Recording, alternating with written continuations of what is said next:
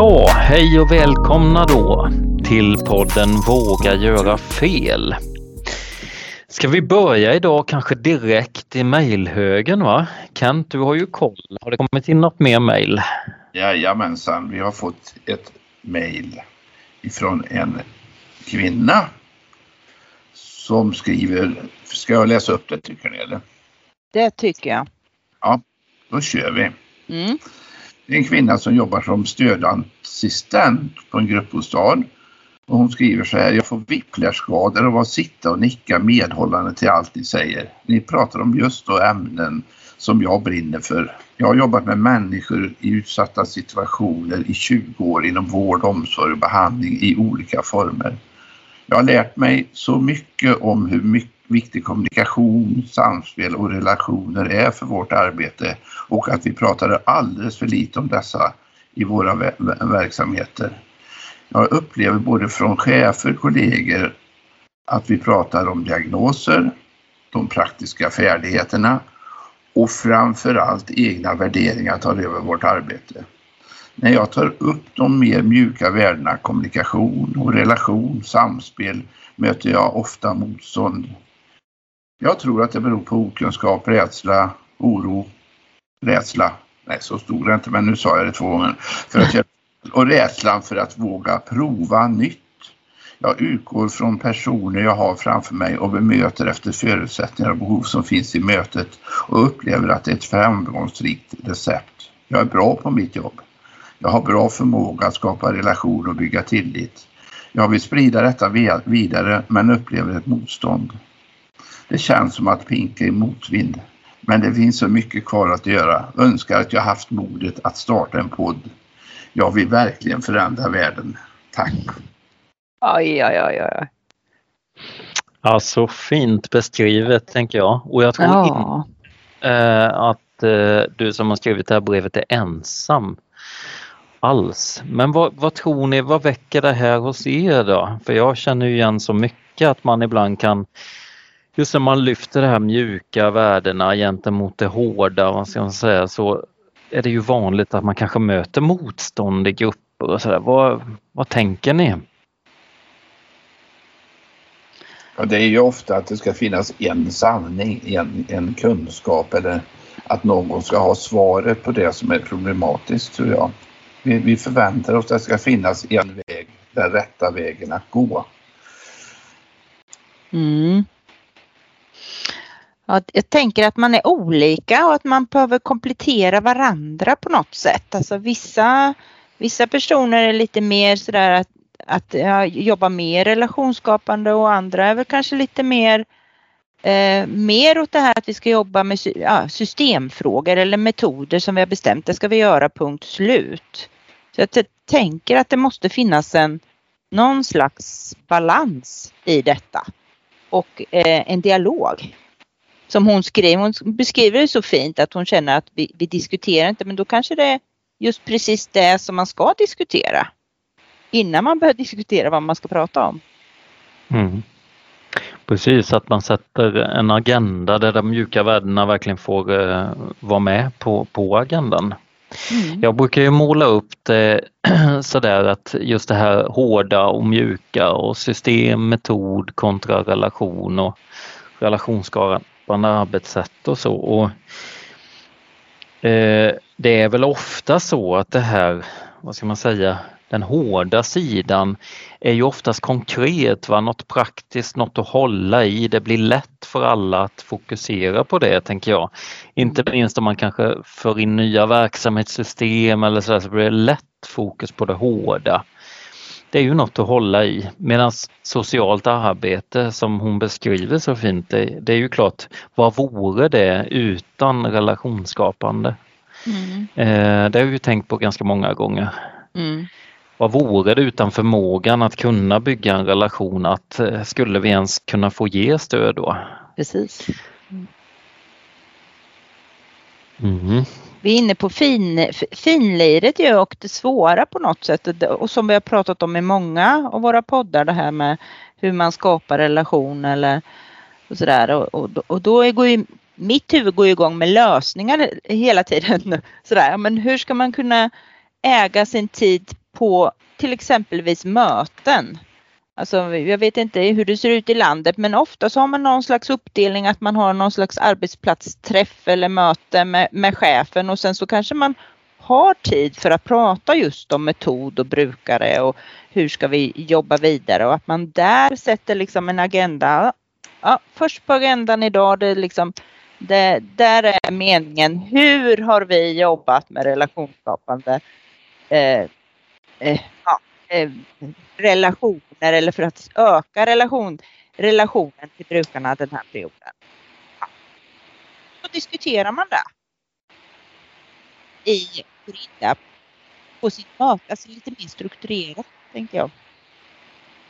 Mm. Lösningsfokuserad.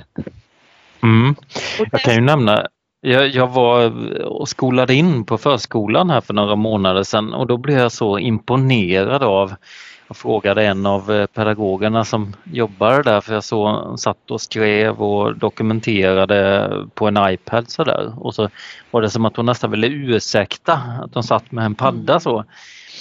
Mm. Och, och berättade då när vi hade lite, eller när jag frågade lite om att ja, nej, men vi har ju regelbunden reflektionstid och som jag förstod det varje dag avsatt lite grann tid. Och då lyfter vi upp sånt som vi har sett, liksom hur vi agerar och hur omgivningens faktorerna är här och sådär. Mm. Och så har vi det och lyfter på det här forumet. Och då tänkte jag ju direkt att men oj, vad vi saknar det i socialt arbete ja. eller inom vård och omsorg. Alltså regelbunden reflektion om varför vi jobbar som vi gör och hur det ser ut just här och så. Är det er erfarenhet också eller? Då, då blir det under min tid som chef så, så um, eh, anordnade en verksamhet. Vi skulle ha reflektionsstunder med vår personal, vi chefer, varje mm varje vecka eller varannan vecka och så. Men eh, det är svårt att få en personalgrupp att reflektera när jag vill. Mm, precis. Dessutom var jag chef och lönesättande vilket innebar också att, att man var rädd att säga fel eller att jag skulle bedöma mm. eller alldeles fel kan jag mm. tänka i efterhand. Mm. Och oftast var det en eller två som pratade eh, som, som, hade mycket att berätta men, men de som jag tyckte hade, var väldigt duktiga att skapa relationer och möta människor. De var ofta tysta på de här mötena. Mm. Vi, har, vi har också börjat i Partille lite grann eh, med det här med att reflektera för att de, det finns ju ombud på olika sätt. Och det finns pedagoger och det finns metodstödjare som vi, vi har liksom olika och de här personerna ska ju faktiskt stödja sina kollegor. På något sätt och det är inte här det allra, allra enklaste men för att kunna klara av det så måste man ju vara lite, ha lite medvetenhet själv. Just kring att reflektera över vad tycker jag är svårt, vad tycker jag är lätt, vad är, jag, vad, vad, vad är det som funkar jättebra nu? Och då kan man ju liksom börja skriva det lite mer, som, lite mer systematiskt. Att nu skriver jag min yrkesloggbok och det kan man föra över till brukarna också i mötet med brukarna. Vad var det jag kände gick bra idag? Vad gjorde jag som gjorde det så bra? Ska jag göra det någon mer gång eller gjorde jag någonting som varit jättedåligt så kanske jag ska undvika det nästa gång och sen reflektera över det. Vad vi gör då är att vi lyfter, lyfter, de får ta med sig vad de vill och lyfta ur den här yrkeslogboken. Och sen diskuterar vi som ett case och lär av varandra. Så det går ju att använda det som de gör på förskolan där Andreas, på ett, mm. på ett sätt in i våran verksamhet också om man har modet att ta tag i det och titta, för det handlar ju om att reflektera lite grann över sig själv, tänker jag. Precis, och, och på tal om att våga göra fel, att, att inte hamna där att nå, ett, något jag gjorde eller någonting döms av de andra. Jag tänker det här med prestige och sånt. Mm. Jag har en, en definition, jag vet inte om vi har varit inne på det någon gång men vi använder oss av begreppet reflektion ganska ofta här i podden. Mm. Jag tänkte en definition som jag har använt, jag kan läsa upp den bara för att få någon, någonting mm. eh, så runt att för många eh, utgår väl från att, att tänka liksom så men här kommer i alla fall den definitionen då att ett centralt syfte med reflektion är att utveckla sin kompetens ur sin egen vardag och börja förstå varför man handlar som man gör. Genom reflektion blir erfarenheter till kunskap där samband mellan orsak och verkan blir synliga. Detta kan leda till ett mer medvetet handlande. Och avslutningsvis då, en reflektion är inte rätt eller fel. Precis. Just det här att man, att man egentligen bör se det kanske som kompetensutveckling mm. eh, helt enkelt och inte mm. bara en lösningsfokuserad stund utan det handlar om att bli mer och mer förtrogen med, sitt, med sin roll och sitt yrke och så, tänker jag. Har ni några tankar runt det? Jag tänker, du, tänk, du säger så klokt så. Kontrasten till det du sa precis just nu, det är det här experthjälpen. Eh, att, eh, att man vill ha svar på saker och ting eh, utan att reflektera utan att jag, du som metodutvecklare Magda, vad tycker du om det här? Vad skulle du rekommendera oss? Det är ju, det är ju tvärtom mot det du säger. Och vissa vill ha det. Men jag tänker att i det, just det här mjuka som vi pratar om, eh, som hon beskriver så väl i sitt mejl som vi fått in, så, så finns det ju liksom ingen mall. Utan man måste ju eh, in och, och grotta i det här. Sen har vi ju mallar för system och vi har strukturer som ska följas och riktlinjer och där har vi den hårda sidan som vi också ska vara i. Men det gäller att vara, balansera de här två för att få yes. det bästa då. Så tänker jag. Och jag tänker, visst är det väl så Kent, jag vet ju när vi jobbade ihop att du var ju väldigt efterfrågad som expert va, på psykiatri en period. Man förväntade sig ganska mycket att du skulle komma in och berätta allt om hur man skulle ja, agera. Absolut. Och det var ju så att, eh, ja, att jag hade det jobb jag hade under en period berodde ju på att inom psykiatrin så tyckte man att det var så mycket autism. Och inom autism eller LSS-verksamheten så var ju allt psykiatri. Som man, och det har vi pratat om förut. Men visst, min expertroll när jag kommer in och, och inte har svar så säger jag naturligtvis inte till en grupp att svaret ligger i, hos er här i gruppen. Men det är ju det som är det det, det, det, det, det gäller ju för mig som handledare att plocka fram och nästan i varje grupp så finns det någon som har nyckeln till ett problem. Mm. Precis som den här brevskrivaren skriver idag. Hon har ju hittat sin väg att möta och skapa relationer och så. Men som jag har sagt så många gånger tidigare i podden också, den personen kan ju mötas med misstro och ifrågasättande. För att den gör på fel sätt eller den mm den använder metoder som vi inte vi ska göra och så vidare. Mm. Men hur är det då, kan man inte ibland behöva mätta det här att vi alltid söker experter i allt, alltså att man kanske ger vissa svar och sådär. Eh, jag tänker på det, jag stötte på en personalgrupp för några veckor sedan här som de hade haft inne någon handledare för ganska många år och så, och så kommer jag in i den här gruppen och så där och så sa de att ja, nej, vi har ju haft in någon här och, och där kan jag säga, vi, vi tyckte att det gav oss ingenting. Nej. Och nu var det så att det här är vi inte så, så. och vi, jag började ju på en helt annan ände där de fick prata om fax, varför de ens var på det jobbet de var och lite deras bakgrund och sådär. Jag blev väl betrodd att komma tillbaka kändes det som mm. men mm. det kan ju också bli att man just när man verkligen nu behöver vi hjälp och så är det mm. någon konkret situation att man behöver kanske någonting i alla fall. Mm. Eh, sådär. Precis. Eller vad, vad, tänker ni runt det? Jo, naturligtvis mm. behöver man det. det. Man kan inte lägga tillbaka allt. Vad, vad, tycker ni till gruppen? Nej. Man, Nej. För, förhoppningsvis Magda har väl både jag och du lite kunskap och erfarenheter mm. som vi kan men så, Jo men så är det ju absolut.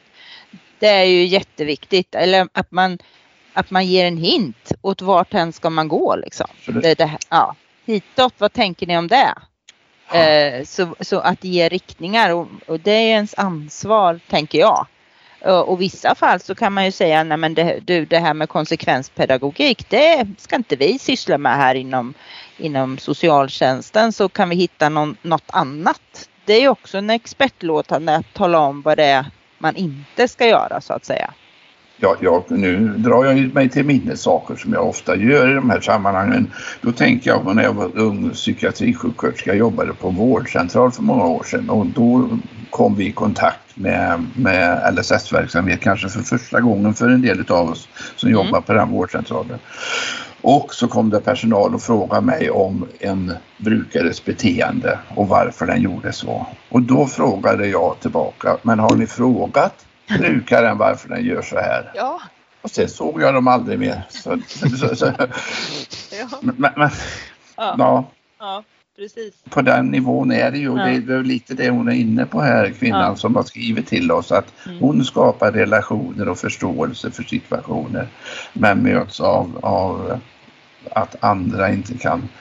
Ta till sig det. Hon pratar om kunskap som inte finns och, och massa osäkerhet och rädsla att göra fel. Och så mm. Precis. Precis, och lite beroende på vilken grupp man är i är det klart det kan bli väldigt ensamt om man har det som ett arbetssätt ja. och sina kollegor inte och känner igen sig i det. Nej.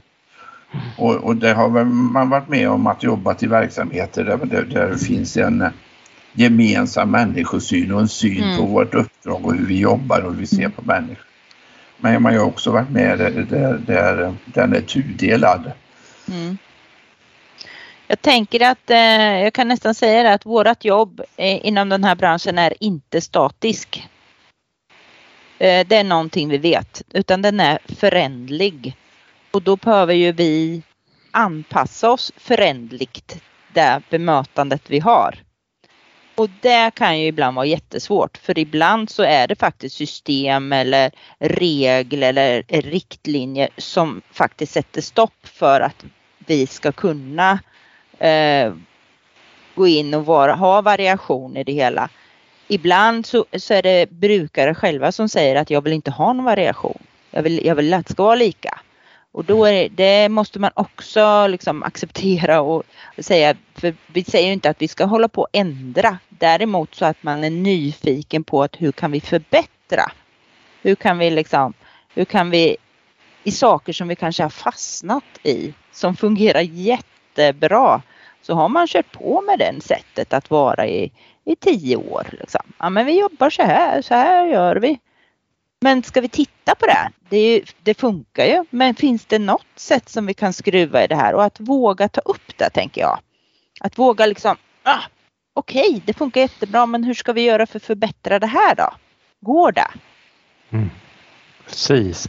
Och det är det här tänker jag, vi håller faktiskt på nu att föra in ett nytt arbetssätt och det känner säkert många igen, men IBIC, individens behov i centrum.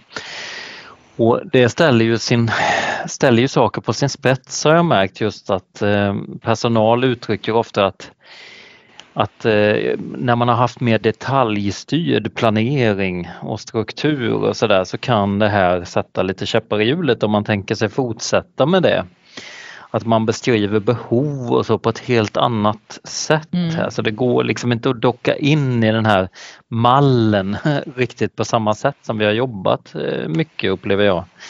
Eh, och något, eh, i vissa grupper har man fått stöta och blöta det här ganska mycket kan jag säga. Och, och till slut så har det varit roligt för då, då märker jag att vissa av personalen uttrycker att ja, det kanske egentligen inte är så men men brukarna har ju vant sig vid den här strukturen nu. Alltså att man, det kanske inte är deras behov men de har ju faktiskt vant sig under de här 10-20 åren man har mm. jobbat så här. Mm. Och så kan det också vara. Men vad som är vad, är det, ja, mm. är det någons behov eller är det bara att man har vant sig vid ett arbetssätt? Precis. Att det är viktigt med tider och exakta klockslag och att det har ju liksom ingenting med diagnosen att göra men det har nästan blivit som att man vänder på det, att det är brukarens behov att det ser ut så här. Men mm. det kanske bara är att man har vant sig vid att vi har mm. jobbat på det här sättet. Mm. mm. Känner ni igen det här eller? Oh ja, jag, jag, tror att många människor idag bor eller tar emot eh, stöd och hjälp som de egentligen inte är behov av. Utan man har skapat ett beroende både från verksamhetens sida och från brukarens sida och anhöriga och alla andra. Mm. Vi har ju varit med i ett sådant ärende förresten Andreas där, där det var en, en som från att ha haft dubbelbemanning i assistans idag inte har någon större insatser från LSS-sidan. Mm. jag, jag, jag, tror, jag tror att vi hamnar lätt där. Mm. Och då är det väl viktigt att reflektera, även om det funkar, ja, så kanske ja. det finns andra sätt eller mer mm. utvecklande sätt för att mm. människan kunna ta tillvara sina egna resurser på ett annat mm. sätt. Alltså jag måste bara nämna en kvinna som jag träffade i, i, nere i Skånetrakten. Eh, hon jobbat som enhetschef i hundra år nästan. Va? Eh, hon var en riktig sån här, hon skulle snart gå i pension och så skulle hon starta ett nytt eh, serviceboende. Eh, nej, en gruppbostad var det till och med. Och hon hade en idé då. Så sa hon så här att hon anställde eh, nyutexad personal och så sa hon så här. Du är anställd här. För att brukarna som flyttar in här, de eh, ska bli självständiga inom två år. Inom två år så ska det finnas, då ska det vara klart. Och hur jobbar ni då? Hur jobbar ni för att brukarna som flyttar hit med ganska svåra funktionsnedsättningar kan bli självständiga? Det är det enda jag kommer fråga er på varenda möte så är det det här. Hur har ni jobbat med självständigheten? Hur har ni jobbat med självständigheten? Och tjatade. Och faktiskt, eh, jag var och lyssnade på hennes föreläsning. Nu kan jag minnas fel men det flera av de här som hade flyttat efter lite tjat för de ville ju inte mista personalen. Så då hade man fixat det så att personalen blev kvar men de började jobba som boendestödjare istället och så fick de flytta ut. Så att det blev liksom som en länk ut och jag tänker det. Om man har det framför sig. Personerna ska, alltså lagstiftning, vad handlar det här om? Ja men personerna ska ju bli så självständiga som det bara går. Eller uppleva självständigheten. Det är inte det här man ska göra, man ska uppleva det. Och då tänker jag, jag, jag gillar den tanken att man kan leda sin verksamhet eh, åt det hållet och man kan ha en inriktning där det är eh, öppet öppet för dialog och, och händelser kring detta. Liksom. Mm. Mm. Det var ju väldigt djärv chef, det måste jag ja. säga, som vågar sätta ett datum till och med. Så. Ja. Eh, och det kanske ibland är det som behövs, just att man har en så tydlig och inte minst att brukarna tänker jag också få den eh, redan från start känslan av att här kommer vi jobba med att stärka din tilltro till din egen förmåga. Liksom, det är vårt huvuduppdrag. Liksom. Ja. Ja, underbart. Ja. Jag blev sådär kär i henne när jag hörde henne. Jag tänkte, åh, det där ska fler göra. Mm. Jag har en annan liten anekdot egentligen ifrån psykiatrireformens dagar. Det här eh, var uppåt landet någonstans där man eh, skulle, eh, när man la ner de här stora institutionerna och mentalsjukhusen eller psykiatriska sjukhusen så, så flyttar ju personer då till sina hemkommuner eller, eller till den kommunen där sjukhuset var. Ofta mm. man fick ju faktiskt välja. Och I det här fallet var det så att det var fyra, fem män som flyttade till ett boende i den kommunen där sjukhuset hade varit. På den tiden var det ont om, om personal men det fanns en stor arbetslöshet så det var målare och snickare och lite annat folk som, som tog de här jobben. Och efter två år så fanns det ingen personal på det boendet. Nej. Man hade alltså jobbat med deras självständighet. Man hade ja. inte sett dem som mental person utan man hade jobbat mm. helt annorlunda och mm. tänkt annorlunda och sett människan. Mm. Mm. Häftigt. Så det är ju lite så Andreas som du säger. Är det vi som skapar mm. behoven? Eh, behoven eller? Mm. Ja. Och då ja. krävs det väl att vi funderar ibland även på det som funkar. Mm. Kan det funka på något annat sätt? Mm. Mm. Kan det funka utifrån människans mer självständigt beteende? Mm. Precis. Ja. Ja, vi, nu har vi babblat igen. Ja, nu har vi babblat så nu är det faktiskt jag som säger att nu är nästan våran tid slut och, och, och det här ämnet som hon tog upp och mejlade till oss eh, måste vi ju verkligen eh, säga att hon fyllde ett helt, ett helt poddprogram med. Mm. Och det satte igång hos oss. Så att eh, ni som lyssnar, mejla jättegärna in era reflektioner eller tankar. Eh, och eh, vi som vågar göra fel och podda kan lyfta upp där då. Och då har vi ju en, en gmail-adress ju. Precis, det är ju den här fina vagagorafel gmail.com och nu ser vi ju att den faktiskt funkar så att eh, fortsätt att mejla tänker jag. Ja, vi har ju spännande saker på gång. Vi kanske inte ska säga någonting än men jag tror att vi kommer kunna ha många avsnitt framöver. Mm. Vi har fått lite feedback kan man väl säga att det kan vara lite tungt också att faktiskt lyssna på det här. Det är ingenting man bara liksom, utan det väcker mycket och det är ju väldigt, alltså vi tycker det är roligt att höra det men, Mm. men eh, för det är ju hela syftet är ju att väcka tankar, eh, att stärka reflektion och allt det här. Ehm, Så att superkul att höra Mm. och feedback såklart. Mm. Och så får jag hoppas att vår brevskrivare inte besväras av sina whiplashskador i allt för stor utsträckning. Nej, Precis. Nej. Nej, precis. Ja, Ja, ska vi tacka för, för idag då? ja men det gör vi. Ja, det gick ju att resonera kring ett mejl. Det var ju en lite ny grej vi hade. Mm, Skriv mer, fler. Ja, precis. precis. Men vi säger väl så. Ja, Ha det så bra. ha en Hej jättefin eftermiddag. Hej då! Hej då.